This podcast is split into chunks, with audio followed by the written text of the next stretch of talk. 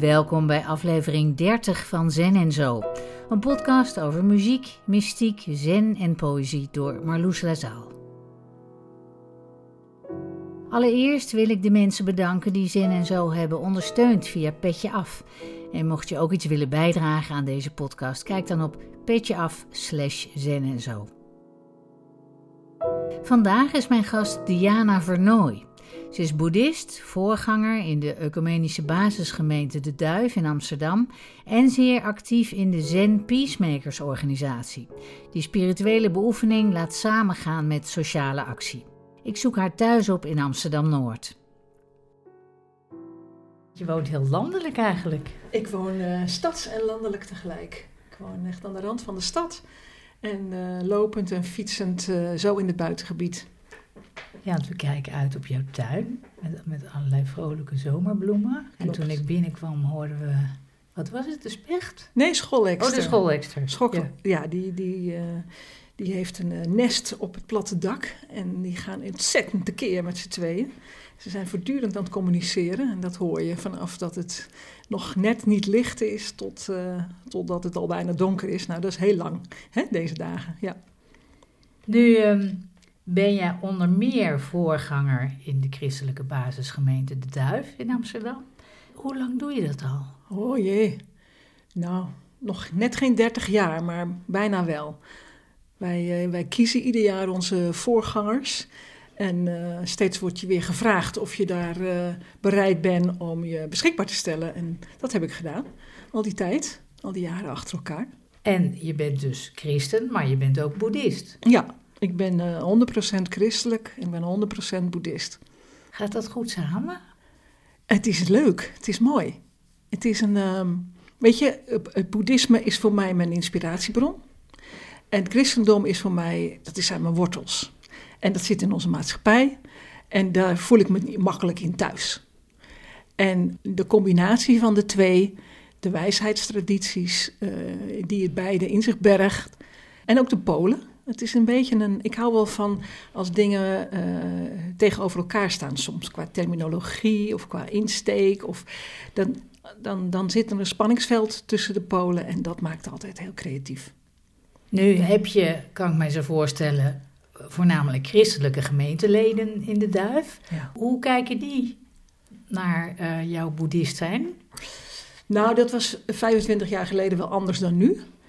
Uh, in het begin hebben we daar nog wel hele gesprekken over gehad. Dat er toch wel mensen zijn die echt hechten aan die christelijke wortels.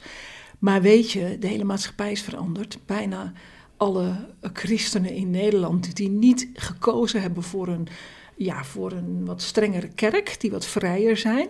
Die shoppen ook overal bij allerlei andere religies. En die zijn geïnteresseerd in andere religies.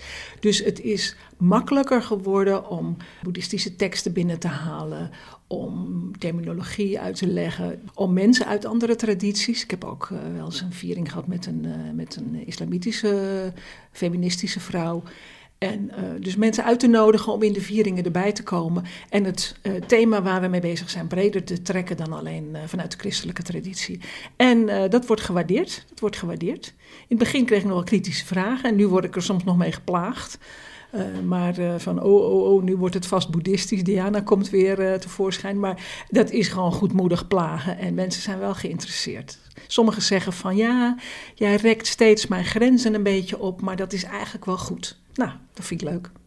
Want kan je een voorbeeld geven van iets wat overduidelijk vanuit het boeddhisme komt en wat jij toch in een, in een overweging brengt? Nou, even los van overweging.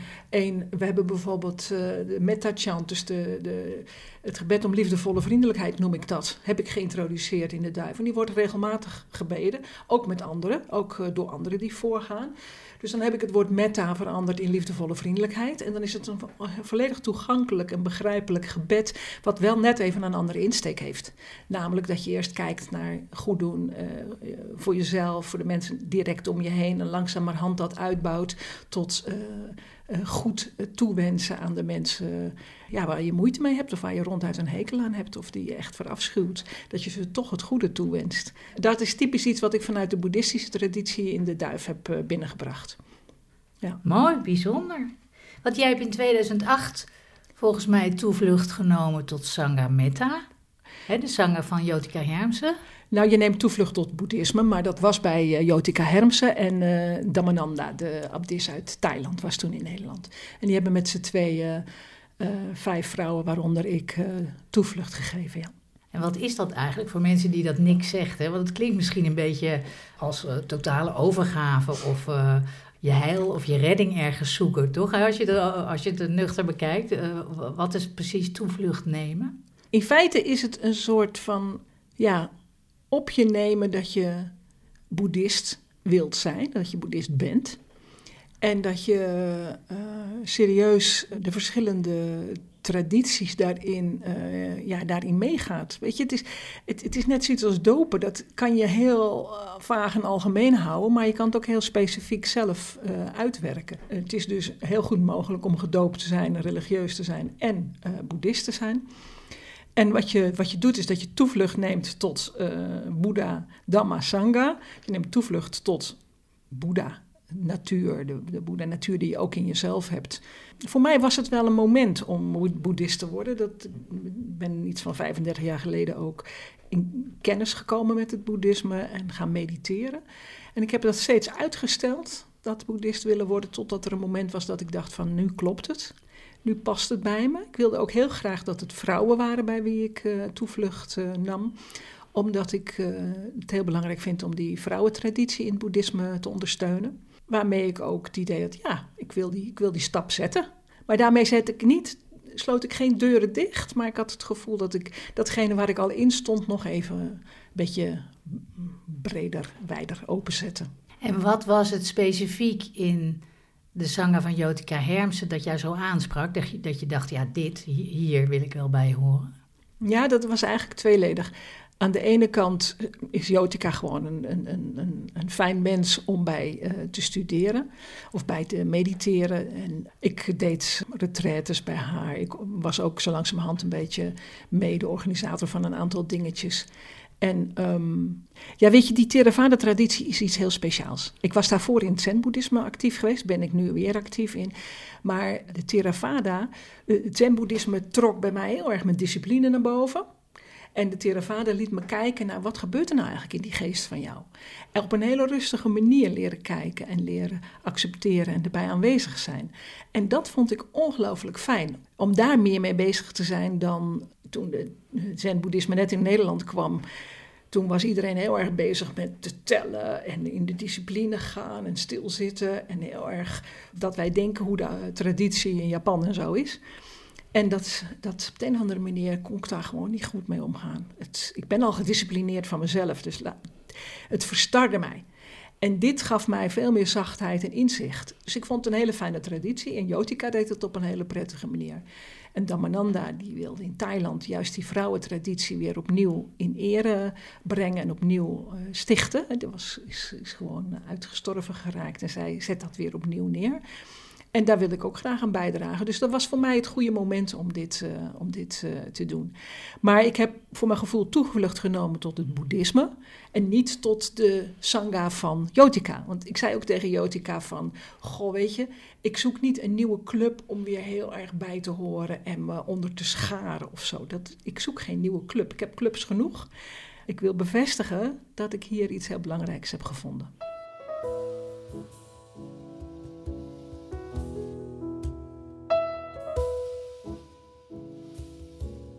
Nu kom jij van huis uit uit een katholiek nest.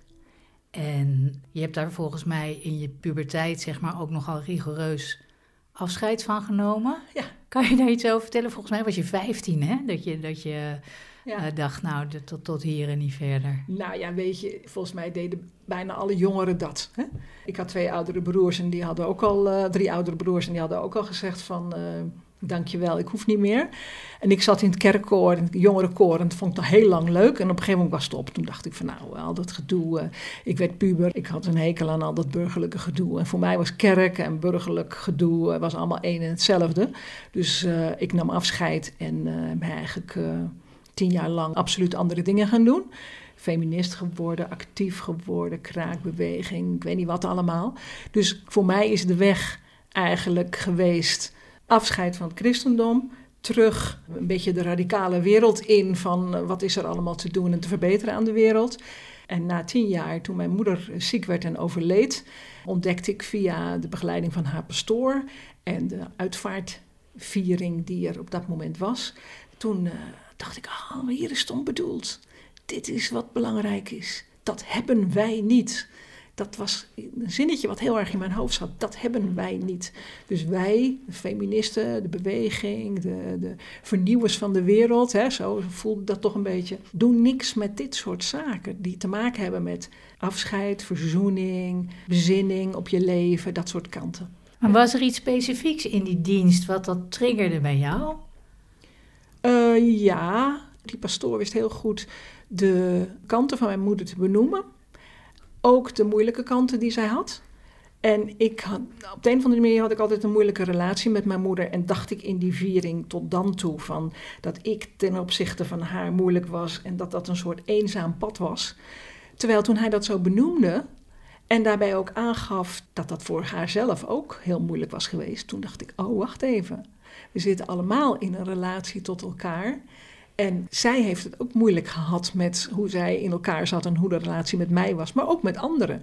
Dus dat was voor mij een moment van een soort erkennen van dit was wat er aan de hand was. En wij nemen gezamenlijk afscheid van iemand waar we allemaal op onze eigen manier een niet al te makkelijke relatie mee hadden. Dus dat was de grote eye-opener. Het benoemen en erkennen van ook de moeilijke kanten. En kreeg je toen daadwerkelijk weer behoefte om je aan een, aan een religieuze organisatie te verbinden? Nee, helemaal niet. Nee. nee, nee, nee. Nee, het was meer dat ik dacht van, hmm, ik was eerst nog een beetje zo'n bozige van eh, oh, het geloof of de kerk heeft alles imperialistisch ingepikt wat er aan rituelen is. En dat moeten we eens eventjes terug zien te vorderen. Dus ik ging gewoon op zoek van, uh, nou wat gebeurt er eigenlijk? Wat zeggen rituelen? Wat is nou de bedoeling? Wat is, eh, als ik al die burgerlijke onzin eraf haal, wat blijft er dan over? Dus ik ging heel erg op zoek. Dat was eigenlijk in dezelfde tijd dat ik ook op zoek ging bij het boeddhisme. Dus het ging gelijktijdig op bij mij. En toen ben ik uh, uiteindelijk in Amsterdam, ik woon in Amsterdam, bij verschillende kerken langs gegaan. En sommige kerken kon ik het echt niet uittrekken. En andere kerken dacht ik, oh wacht, die gaan eenzelfde soort zoektocht. Misschien net even anders, maar ook zoiets. En dat waren meer de basisgemeenten. Eerst ben ik een tijdje in de Dominicuskerk eh, actief geweest en betrokken geweest. En op een gegeven moment leerde ik de duif kennen. En, daar voelde ik me thuis en ben ik na één of twee jaar ben ik ook voorganger geworden. En je hebt ergens gezegd, nog even terugkomend op je moeder. Mijn moeder is verbitterd gestorven. En toen begon die zoektocht met de vraag: wat moet ik doen om niet bitter dood te gaan? Ja. Ja. Nou, dat vond ik heel bijzonder, want heel herkenbaar ook namelijk. Ja. Dat was bij mij ook volgens mij ooit een van de basisgedachten voordat ik überhaupt aan Zen begon. Ja. Van hoe kan ik in ieder geval niet zo sterven als mijn moeder? Hoe sta je nu ten opzichte van die vraag? Kan je zeggen dat jouw beoefening je daarin ondersteund heeft? Uh, dat je daar nu anders in staat? Of misschien is de vraag helemaal niet meer relevant? Nee, de vraag is gewoon helemaal niet meer relevant. En het was een, het was een, een, uh, een aanzet. Weet je, op het moment toen mijn moeder stierf, tot dan toe was ik altijd in een soort spanning ten opzichte van haar. En toen was ze overleden. En toen kreeg ik eigenlijk als het ware als erfenis al haar vragen mee. Dus ook de vragen die ik tot dan toe echt bij haar had laten zitten. Van ja, ze is nou eenmaal zo enzovoort. En toen kreeg ik die vraag. En dat onder andere de grote vraag was van... Uh, waarom overkomt mij dit nu allemaal? Dat was toch een vraag die mijn moeder sterk had. En waarom moet ik zoveel ellende meemaken? En uh, dit heb ik toch niet verdiend? En ik herken die vraag ook wel bij andere wat oudere mensen... die blijkbaar in een verhouding zitten tot religie. Dat ze denken dat als ze hun hele leven lang goede dingen doen en ja, braaf zijn, dat zijn dan mijn woorden, dat ze dan beloond worden met iets moois. Liefst hier en nu en dan ook in het hiernamaals. En ja, die zekerheid die heb je niet. Je hebt niet de zekerheid dat je, als je maar goed je best doet, dat je dan lieve kinderen en kleinkinderen krijgt en dat, je, dat alles fijn, zich fijn ontwikkelt. En uh, die vraag van hoe kan dat nu dat mij ellende overkomt? En de bitterheid die daaruit voortkomt, dit heb ik toch niet verdiend. Die vraag die heeft mij wel een jaar of twee weer heel erg bezig gehouden. Voordat ik een beetje een weg vond om te ontdekken: oh, maar wacht even. Dat is een van de onderdelen van de religie die ik niet zie zitten. Dat is het brave daarvan. Van als jij nou maar goed je best doet, dan komt het allemaal goed terecht. Nee, daar gaat het niet om. Het gaat erom dat je je verhoudt tot wat je overkomt. Dat je je juist niet laat verbitteren daardoor. Want je hebt niet het recht op een goed leven of een gezond leven. Dingen overkomen je. En dan is het belangrijk om dat te accepteren. En vanuit die acceptatie weer iets nieuws, iets moois ervan te maken.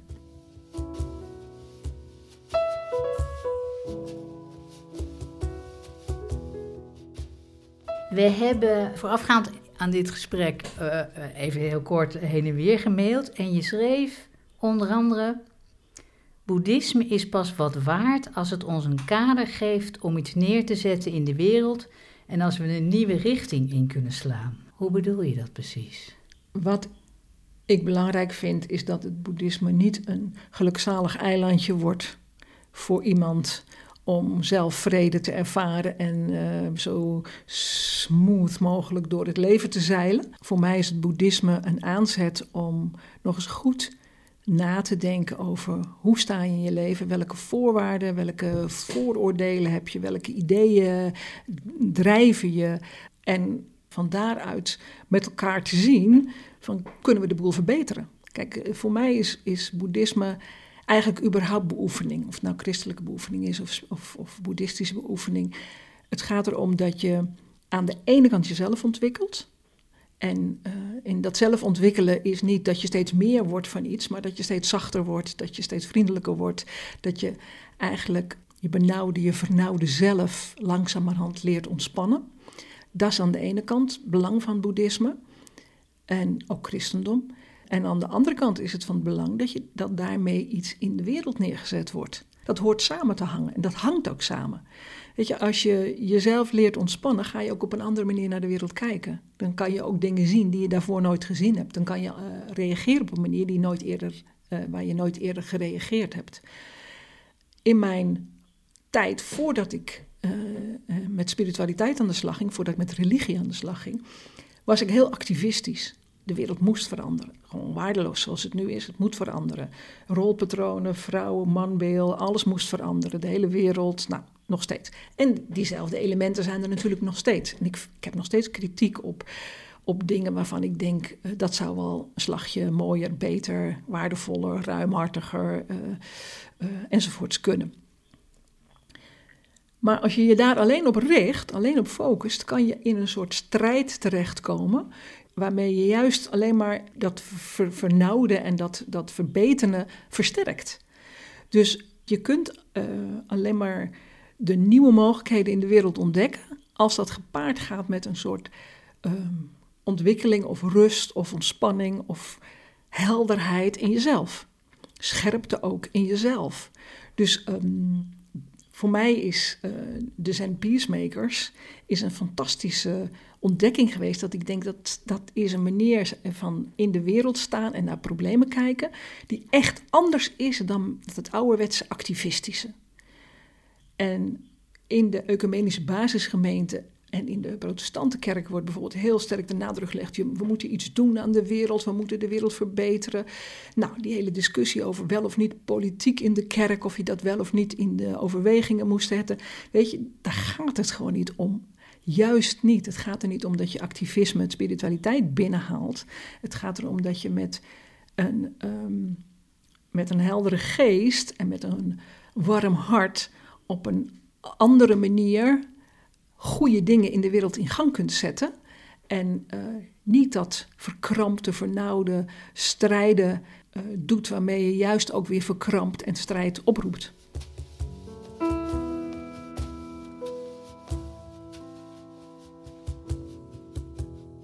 De Zen Peacemakers. Voor mensen die dat niet weten, wat is dat voor organisatie? Het is een beweging opgericht door Bernie Glassman een zenleraar uit de Verenigde Staten, die een paar jaar geleden overleden is. En het mooie was dat uh, Bernie Glassman begonnen is als een hele strenge zenleraar. En op een gegeven ogenblik de omslag heeft gemaakt nadat hij wilde samen met zijn leerlingen iets betekenen in de wereld. En een koekjesfabriek is begonnen om daklozen werk te geven. Dus iedereen kon daar uh, naartoe komen en uh, zich aanbieden voor werk. Of je nou wel of geen cv hebt, of je nou uit de gevangenis kwam, verslaafd was of wat dan ook. Je moest je natuurlijk wel verschijnen en je werk doen. Nou, onderdeel van een groot project met ook huizen voor mensen en dergelijke. En daarna heeft hij eigenlijk dat weer verder ontwikkeld tot de Zen Peacemakers organisatie. Het bestaat eigenlijk uit drie intenties. In eerste intentie is het niet weten. Als je geconfronteerd wordt in de wereld met problemen of als je bij problemen bent, zorg dat je al je oordelen en al je vooroordelen, dat je je daarvan bewust bent en dat je die even op een zijspoor zet. Want je hebt ze, maar zet ze op een zijspoor. Durf in het niet weten te stappen. Ga gewoon met nieuwe ogen kijken.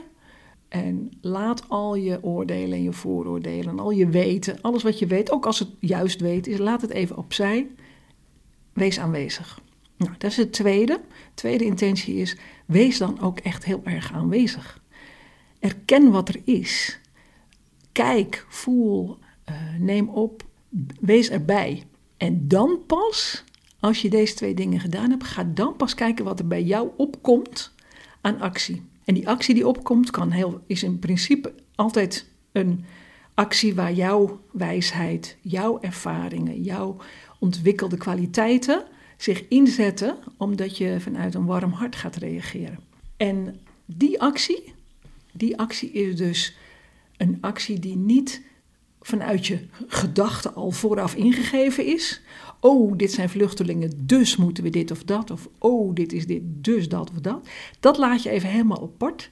En je gaat reageren van wat je op dat moment in die situatie heel concreet denkt te kunnen doen. Kun je daar een voorbeeld van geven? Het is denk ik meer een, een, een, een levensstijl Natuurlijk zijn er ook, uh, vanuit de Zen Peacemakers worden er allerlei activiteiten georganiseerd om ergens naartoe te gaan. Bernie Glassman heeft veel de retraites georganiseerd naar Auschwitz. Hier in Nederland doen we ook verschillende dingen. Straatretreat is ook zoiets. Ik werk met dak- en thuislozen. Ik ben manager in de dak- en thuislozenzorg. En ik vond het in eerste instantie onzin, maar later toch heel boeiend om een keer een week op straat te leven. Zonder geld, zonder telefoon, met niets, dan alleen maar een tasje op je rug met een slaapzak. En te kijken hoe je dan zo'n week doorkomt. Met een groep deden we dat. Waar was dat? Eh, dat was in, uh, in Keulen. In Nederland mag het niet, want het is verboden om, uh, bij wet verboden om op straat te slapen. Dus uh, daarom zijn we naar Keulen gegaan. En daar is het niet verboden. Dus daar hebben we een week lang uh, rondgetrokken met een groep en uh, gekeken. En uh, ja, een praatje met andere daklozen, die geven je tips. je zoekt een plekje om te slapen. nou, je maakt van alles mee. En in feite is het niet bedoeld om te denken van... nou, nu weet ik wat het dakloze leven is. Daar gaat het niet om. Maar om even al je vooronderstellingen weg te halen. En door erbij te zijn en erin te staan... en met mensen op een andere manier contact te maken ja, dan ga je toch net even anders kijken. Ga je toch net even anders ervaren. Dus de Zen Peacemakers organiseren uh, dit soort activiteiten. Juist om wel contact te maken met de grote zaken in het leven. die gaan over klimaat, over vluchtelingen, over dakloosheid. Uh, maar dan niet op de manier van dat we van tevoren bedenken wat we er tegen gaan doen. Maar door er naartoe te gaan en contact te maken en te ervaren en van dan uit te zien wat, daar, uh, ja, wat dat met je doet. En wat dan de, vervolgende, de volgende stap zou kunnen zijn. Dus voor mij is die drie intenties is eigenlijk een soort levensstijl die, die je eigen maakt, die je op alle gebieden uitoefent.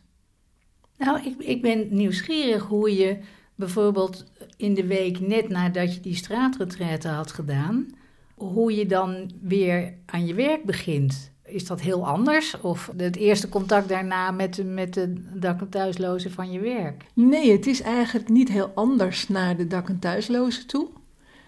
Uh, althans voor mij, want het was niet in die zin een enorme eye-opener. Het was gewoon een, uh, een pad waar ik natuurlijk al een tijd uh, op aan het gaan ben. Wat verschillend was, is dat ik eigenlijk ervaren heb hoe ongelooflijk vrij je ook bent. Dus dat je eigenlijk ongelooflijk weinig nodig hebt op het moment dat je ergens bent en je weet, uh, nou, je bedelt om geld, want je hebt geen geld, dus je moet wat bedelen. Maar op het moment dat je een paar euro hebt, kan je al een heel eind verder. En we hebben ook heel, ehm, ja, heel rustig op bankjes gezeten, met mensen gekletst die langsliepen met anderen en zo. Dus de, uh, ik ken natuurlijk de kant van dat het een groot probleem is, de dakloosheid. En dat is het ook, dat moet je ook niet ontkennen. Veel mensen lijden daaronder. Maar als je een dag, een aantal dagen zo uh, in die wereld verkeert, dan is dat niet alleen maar probleem, probleem. Er zit ook een soort openheid en vrijheid in. En ik vond het heel fijn om dat nu eens te ervaren. Dat was een verrassing voor me omdat ik weet dat een aantal daklozen ook moeite hebben met weer in een gewoon huis gaan wonen. En dat was wel een, uh, zeg maar, dat is dan zoiets verrassends wat zich aandient. Wat je niet van tevoren kunt bedenken, maar waar je dan tegenaan loopt. Het is helemaal niet iets groots, maar wel, uh, wel, wel mooi. Ja. Jij bent echt actief voor de Peacemakers. Onder andere redigeer je de nieuwsbrief en je maakt ook allerlei interviews met mensen. Wat brengt uh, het werk voor de Zen Peacemakers jou? Het voornaamste wat ik nu doe als activiteit is inderdaad de redactie van die nieuwsbrief. Het zoeken naar teksten, mensen vragen, schrijf eens wat. Je bent met iets bezig in het kader van de, van, van de Zen Peacemakers. Schrijf er iets over. Of je bent Zen Peacemaker, betrokken als Zen Peacemaker.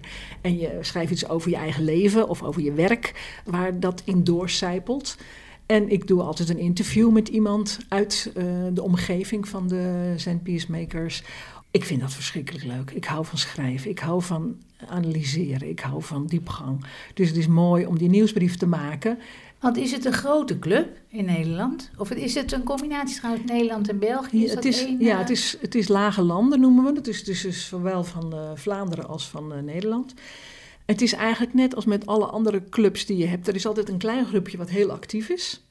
Dan is er een groep omheen van mensen die deelnemen, die af en aan gaan. Dan de nieuwe mensen die opkomen, die ineens heel actief worden en die weer vertrekken. Eigenlijk is dat in de duif precies hetzelfde. Dus het is toch een soort komen en gaan van mensen. Dus het is niet een grote club, maar het is wel een, uh, een boeiende bijdrage. Juist omdat de Zen Peacemakers weliswaar vanuit Bernie Glassman en die Sangha ontstaan is, maar inmiddels ook allerlei mensen uit andere tradities of andere zen-richtingen en ook uit andere boeddhistische stromingen uh, betrokken heeft. Dus ja, laten we hopen dat dat zich verder ontwikkelt. Nu heb ik begrepen dat jij graag binnenkort Jukai zou willen doen bij de Peacemakers. uh, Jukai is weer het soort ritueel waarmee je officieel verbindt aan die zangen ook. Ja. Uh, waarbij je een rakusu maakt. En dat vind ik altijd zo leuk van de Peacemakers. Dat jullie van die leuke gekleurde ja. rakusus uh, hebben. Dat die ja. niet helemaal uh, strak zwart hoeven te zijn. Maar dat is nog niet gebeurd, hè? Nee, nee dat was vorig jaar zomer gepland. En um, dat is door de corona vooruitgeschoven. En dat is wel heel jammer, want ik had het natuurlijk graag, graag gedaan. Um, het is ook wat dat betreft, weet je, het is een rare tijd met die corona. Aan de ene kant zijn dingen niet mogelijk, aan de andere kant worden weer nieuwe dingen mogelijk. Um, wat mogelijk is geworden is dat uh, uh, Frank de Walen, een van de, de spirit holders van de Zen Peacemakers uh, beweging, een, vanaf de coronatijd in de zomer online is gegaan. Dus hij heeft zijn Zoom, uh, doet zijn tijdshows, uh, zijn, zijn overwegingen op zaterdagochtend online. Je kan ook mediteren online en zijn er retraites online. En dankzij dat kan ik nu iedere zaterdagochtend aanwezig zijn bij, uh, bij Frank, uh, zijn, uh, zijn tijdshow en meer betrokken zijn op de hele Sangha. Want hij woont in Gent, dus dat is Amsterdam-Gent, is niet zo makkelijk heen en weer te gaan. Dus het is een groot voordeel dat dat ontstaan is. Dus ik ben wel intensiever betrokken op Frank en de Sangha geraakt en op, het, op de beoefening. Maar de Jukai, ja, die hebben we uitgesteld. En ik ben nu bezig met, ik heb afgesproken dat we een weekend gaan organiseren rond eigenlijk iets in mijn eigen traditie, de vrouwelijke religieuze congregaties, de actieve vrouwelijke religieuze congregaties. Die hebben ook spiritualiteit en maatschappelijk engagement met elkaar willen verbinden. Nou, eh, zij noemden dat eh, geloof en de noden van de tijd. En die combinatie van die twee, daar ben ik natuurlijk ook mee bezig. Dus ik vind het leuk om daar meer van naar boven te halen. En meer uh, mensen mee te nemen in de verbinding van wat was dat? Hoe leefden die zusters? Wat deden ze nu? Hoe zat die wereld in elkaar? Maar dan heb je het over, over, de missie, neem ik aan. Niet alleen de missie. Ik heb vier tantes gehad die in het klooster waren en die alle vier actief waren. En de een zat in de bejaardenzorg en de ander in de thuiszorg en de, de derde zat in de missie. En de vierde zat in het onderwijs. Dus het is nogal verschillend wat ze allemaal gedaan hebben. Daar ben ik me nu in aan het verdiepen, dikke boeken over aan het lezen en gesprekken met zusters aan het voeren. En het is razend interessant om weer eens even met een nieuwe blik, een nieuwe openheid te gaan kijken naar wat, eh, wat hebben zij nou eigenlijk gedaan. Zijn ze mee bezig geweest? Wat is de betekenis voor Nederland? En ja, daar aandacht aan te besteden en in zo'n soort weekend daar iets mee te doen, op bezoek te gaan, te kijken in de kloosters en een beetje te verdiepen in die, in die traditie. Uh, om daar dan Jukai in te gaan uh, nemen. Wacht even. Nu ben ik, ik ben je even kwijt. Want hoe kan je Jukai nemen in de geschiedenis van jouw tantes? Ik neem Jukai in de Zen Peacemakers, of ik krijg Jukai in de, uh, in de traditie van de Zen Peacemakers. Maar het weekend waarin ik dat ga krijgen, gaan we in het kader zetten van uh, vrouwen. Uh, Frank zei steeds tegen mij: Je moet iets met vrouwenspiritualiteit gaan organiseren. Dat past bij jou. En ik dacht: Nou, vrouwenspiritualiteit, vrouwenspiritualiteit. Mm, mm, mm. En. Uh, en ineens viel het kwartje, na een half jaar viel het kwartje dat ik dacht, maar verrek, vrouwenspiritualiteit. Ik zit verdorie met vier tantes, ik heb vier tantes gehad die uh, maatschappelijk actief waren vanuit hun spiritualiteit. Laat ik daar nou eens naar op zoek gaan. Dat is dus deels ga je je eigen wortels zoeken en deels ga je kijken hoe die geschiedenis, hoe dat is geweest. Hoe zij de hele ziekenzorg, de hele thuiszorg, de hele ontzettend veel onderwijsdingen hebben opgezet. En dat is fascinerend om, uh, om in te duiken. En dat is allemaal een beetje zo, ja, wie weet dat tegenwoordig nog, dat, dat, allemaal door, dat er heel veel door katholieke nonnen is georganiseerd. Niet alleen in de missie, ook in Nederland. Dus ik vind, dat heel, ik vind dat heel boeiend om dat naar boven te halen en daar een aantal dagen rondomheen te organiseren. En dan in dat kader ga ik uh, Jukai ontvangen van, van Frank. En heb je je al af? Ja, die heb ik al lang af. Mag ik hem zien? Jazeker. ik ben even benieuwd. Voor je jukai doet, is het binnen de zen-traditie gebruikelijk om een rakusu te maken. Een soort stoffen slap die je om de hals draagt en die symbool staat voor het monniksgewaad. Want daar zijn wij gewone zennies altijd, uh, tenminste, ik moet voor mezelf spreken, altijd een beetje jaloers op. Eigenlijk denk je, ik wil ook zo'n gekleurde rakusu. Ja, en dit is ook een hele mooie, want oh, wow. echt, het is heel fascinerend welke stofjes. Ik heb dus alle stofjes gevraagd van mensen die belangrijk zijn geweest in mijn leven. En, je hebt ook een heel mooi stoffen envelopje eromheen gemaakt. Ook heel kleuren, allemaal rood en paars en roze. Ja, allemaal stoffen die ook in de, in de, in de raksoe zitten. En waar ik gewoon, wat ik over had. Kijk, dit is mijn raksoe. Oh, prachtig. Nou, daar, daar, krijg je toch helemaal zin om die om te doen, zeg. Ja, is geweldig, toch? Kijk, dit stofje is van een jurkje van mijn zusje die overleden is toen ik vier was.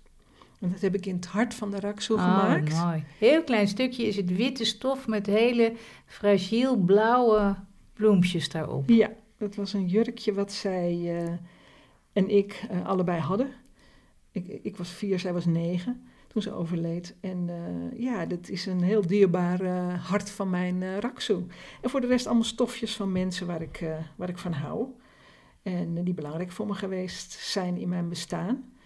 En die, Deze is ook zo opvallend. Er zit dus een stukje badstof. het ziet eruit als uit de jaren zeventig. Groen met oranje en geel. Met soort zonnebloempjes. Het, het, het ziet eruit als van een strandlaken. Nou, het was inderdaad badstof uit de jaren zeventig van een jurkje van uh, een nichtje waar ik ging logeren. Ja, klopt. Het is uh, goed, heel goed uh, neergezet. Wat bijzonder is, dat je dat allemaal Dit is een schilders, dit is van een vriendin die kunstenares is, die schildert. Dan zie je ook de verf nog van een lapje wat zij gebruikt heeft tijdens het schilderen. Dus zo zit er van alles in wat bijzonder maakt. En dit is dus een... Um, ja, wat is het? Ik weet niet eens hoe het heet, maar dat breng je naar je voorhoofd voordat je hem omdoet. En het stofje is een stofje van een um, blouse die mijn moeder heeft gedragen. Mijn moeder is al 40 jaar dood. Dus ik vond ook dat blouseje had ik nog altijd. En dat kon ik al lang niet meer aan zelf. En op een gegeven moment dacht ik, nou, dan gaat die in de raksoe. Dus op die manier heb ik alles verwerkt in mijn raksoe. En uh, is dat, uh, ligt die helemaal klaar om. Um, om um, want is het ook zo, de achterkant is als het goed is wit, hè? dat is als een onbeschreven blad. Maar uh, als je Jukai doet, uh, gaat je leraar daar jouw nieuwe boeddhistische naam opschrijven. Ja. En een spreuk, hè? iets, uh, dat is al, al naar gelang ja. de inspiratie van de leraar. Want dat, dat moet nog gebeuren dus. Ja, Hij is nog helemaal is, blank. het is een raksoe die ik ook nog niet kan dragen. Nee. Het is een raksoe die ligt te wachten totdat ik uh, Jukai gekregen heb. Zijn er nog activiteiten van de peacemakers die op het moment op stapel staan? He, want normaliter is er altijd een activiteit 20 juni. Uh, Er wordt er altijd meegelopen met de Nacht van de Vluchteling. Ja. Die is nou natuurlijk uitgesteld, want dat, wordt, dat vindt in september plaats dit jaar in verband met corona. Dat klopt, maar wij hebben wel gezegd we gaan overdag lopen. Dus we gaan 20 juni wel degelijk lopen. En dan wordt het geen 40 kilometer, maar 20 kilometer. En je kunt je daarvoor inschrijven en meedoen. En als wij een, eh, een, iets organiseren, dan doen we altijd meer dan alleen maar een wandeling. Dan doen we ook iets met een council, dat wil zeggen een soort bezinningsuitwisseling met elkaar. En uh, dus uh, ja, 20 juni hebben we deze, deze bijeenkomst. Maar alles staat te vinden op onze website zenpeacemakers.nl.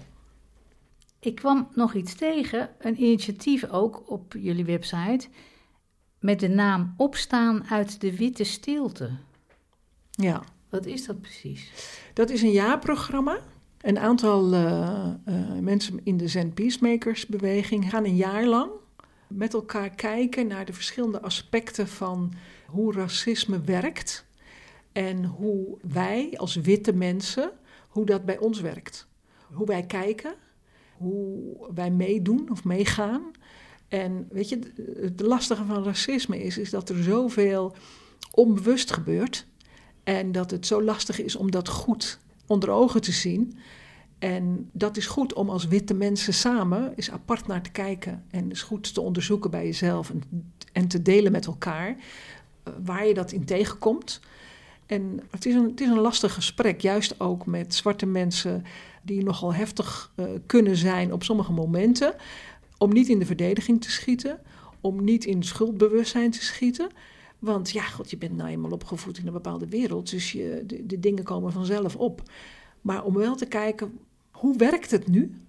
En hoe kunnen wij daar veranderingen brengen vanuit ons witte zijn? Hoe kunnen wij ons daarin opstellen? Daar gaat de, dat jaarthema over. Maar dat is dus een, een besloten groep die daarmee zijn gestart ja, en waar ja. je niet nog bij kan. Nou, dat weet ik niet of je niet bij kan. Ik weet dat bij, de, bij zen zaaien en plukken dat er nog wel mensen bij kunnen. Dat is ook zo'n jaarthema. Dat is wat opener, omdat het meer gaat over klimaat en over eten en over hoe je zelf bij kan dragen aan een uh, gezond klimaat. Dat is wel open. Ik weet eerlijk gezegd niet of die andere groep open is of niet. Mensen die geïnteresseerd zijn kunnen natuurlijk altijd even mailen. Want vind jij dat boeddhisten zich daar duidelijker in zou moeten uitspreken in het racisme-debat, als je het zo zou kunnen noemen. Dat ze duidelijker stelling zouden moeten nemen. Ik kan me herinneren dat keren dat ik in Amerika was, uh, onder andere in Upaya en allerlei, uh, in Santa Fe, allerlei organisaties daaraan gerelateerd, is dat veel meer een issue, ook binnen de Sangha wordt dat veel duidelijker geadresseerd. Ja, ik denk dat het goed is om vooral te beginnen bij zelfonderzoek. Want wij zijn allemaal witte sanga's. Frank de Wale heeft ook een keer goed naar zichzelf gekeken. En die heeft een aantal mensen opgebeld die uh, niet meer kwamen, maar die een kleur hadden of wel uit een andere land afkomstig waren. En zich probeerden aan te sluiten bij de Sangha en vertrokken zijn. Van, om eens na te vragen van wat is dat nou? Juist om te zoeken van welke elementen in onze Sangha maken nu dat we een witte Sangha blijven. En ik denk dat dat gewoon heel belangrijk is. En ik denk dat het heel goed is om je te verdiepen in wat uh, zwarte mensen schrijven, in de geschiedenis van dingen, om goed oog te ontwikkelen. Maar niet te snel denken, oh ik moet iets doen, want ik ben wit en ik wil dit niet en het is zo erg. Nee, dat dus niet.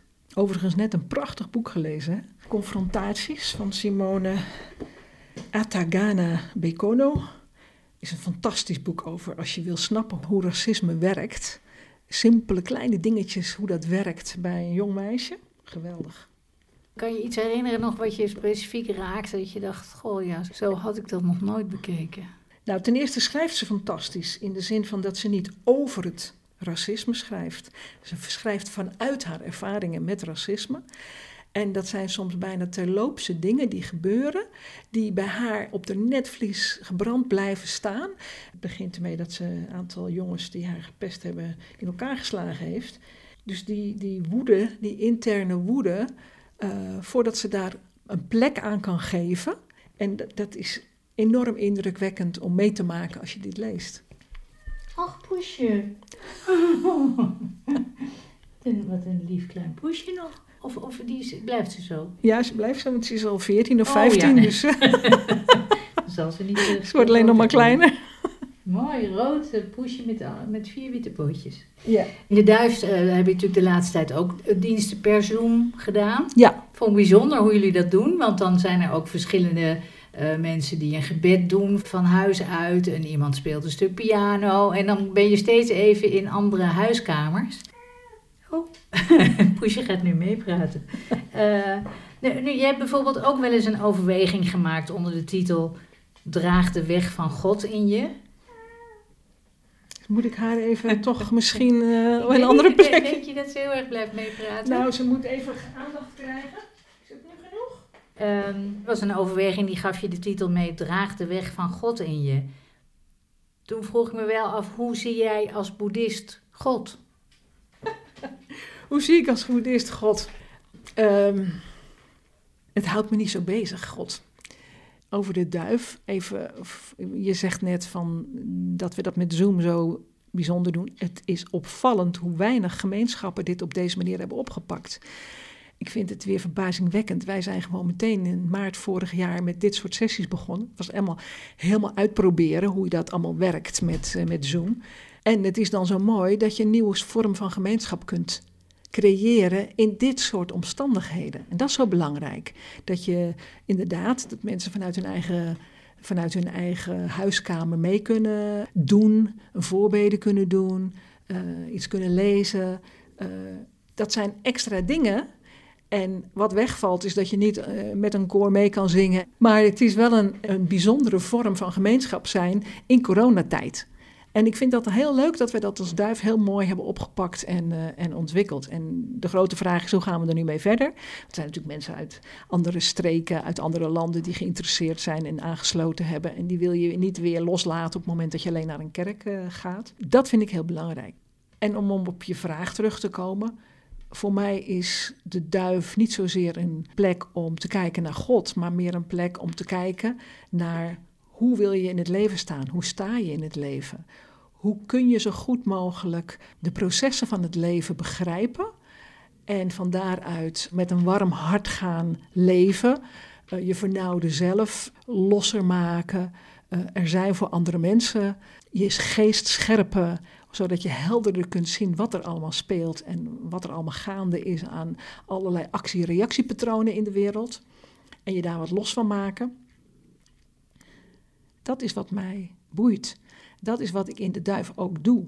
En alle verhalen, dus de christelijke verhalen en de boeddhistische verhalen, uh, zijn voor mij een soort inzichten en wijsheid die bij elkaar gebracht zijn en in iets gestopt zijn, wat wij kunnen gebruiken om ons eigen leven weer te gaan begrijpen. Toch nog heel even terug hoor, want is God iemand voor jou of een aspect van jezelf of van anderen of allebei het goddelijke? Zegt jou dat iets?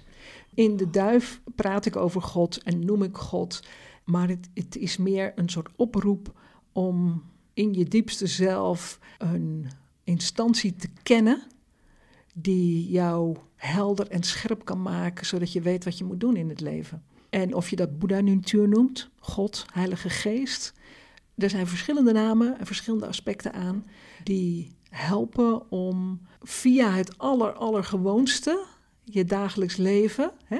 Spiritualiteit gaat niet over extase. Spiritualiteit gaat over hoe je met je ergernissen, met je, met je verveling, met, je problemen, met je dagelijkse sores om kunt gaan. En hoe je dat om kunt zetten in een goed leven.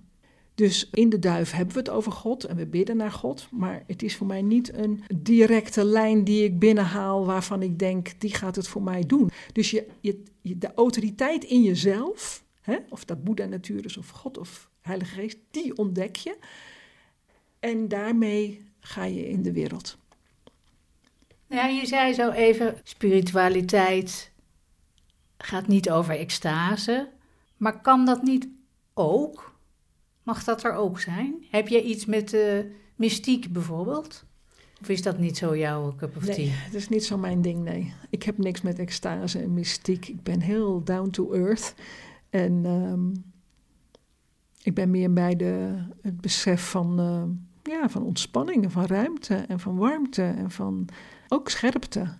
Dat is meer mijn uh, ontdekking van de rijkdom uh, van wat je krijgt in de spiritualiteit.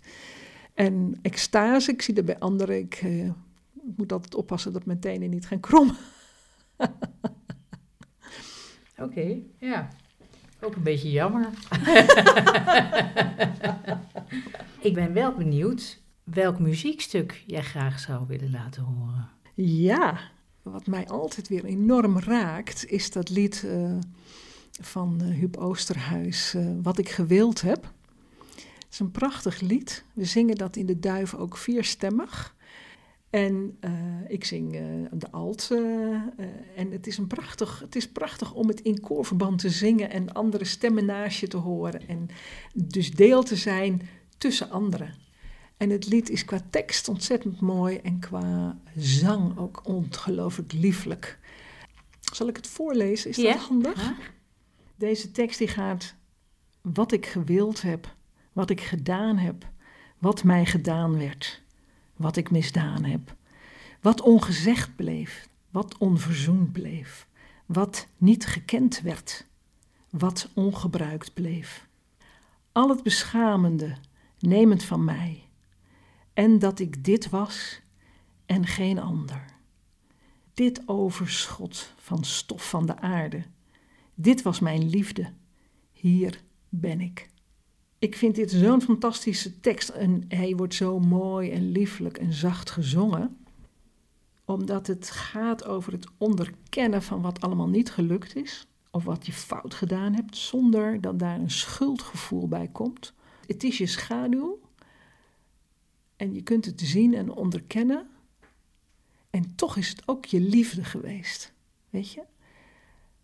Je kunt pas iets doen in de wereld. Je, kunt pas, je moet fouten maken. Dat kan niet anders. Durf fouten te maken. Dat is heel belangrijk. En deze tekst is een prachtige, verzoenende tekst. waarin wie je bent, wie je bent geweest, wie je nog steeds bent. verbonden is ook met al die rafelrandjes. Gaan we naar luisteren. What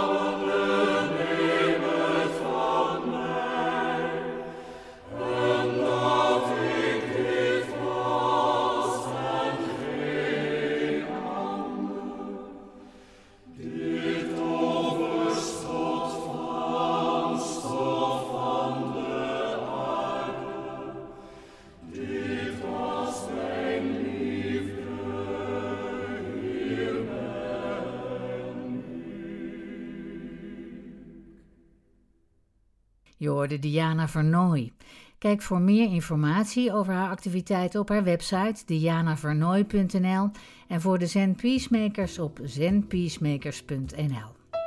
Heb je genoten van deze podcast en wil je iets bijdragen in de onkosten van dit liefdewerkje? Ga dan naar petjeaf slash zen en zo. Jouw bijdrage wordt zeer op prijs gesteld. Mailen kan naar info.marloeslazaal.nl dit was de dertigste en laatste aflevering van dit lange seizoen van Zen en Zo. De komende tijd ga ik weer een aantal concerten spelen met mijn kwartet.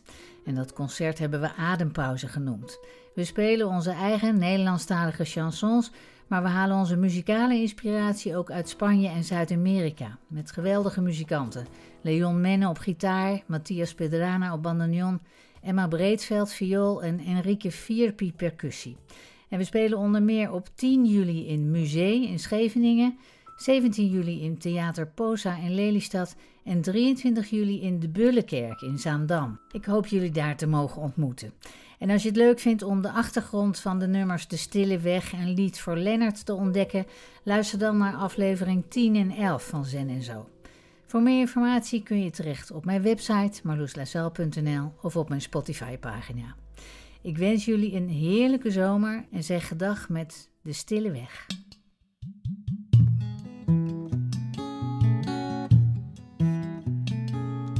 Gisteren ging ik de stille weg.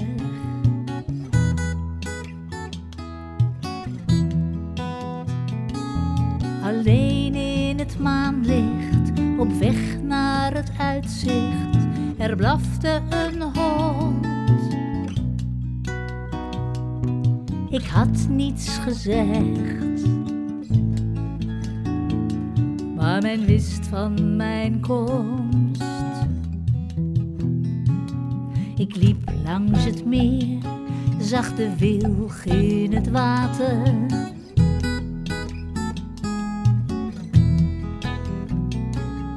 Een nachtegaal. En het werd langzaam had nooit iets gezegd. Maar men wist van mijn komst. Ik hoorde jouw woorden als motregen flarden, een lentenacht lang. Waar kwam het vandaan? Ik had niets gezegd, maar ik werd al verwacht.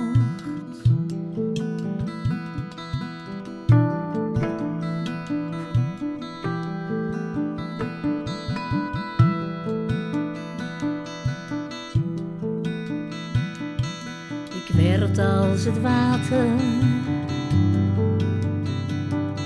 Ik werd als de wilgen. Het. Ik had mezelf ten grave gedragen. Maar gestorven was ik niet. Ik was de stille weg. Ik was de stille weg.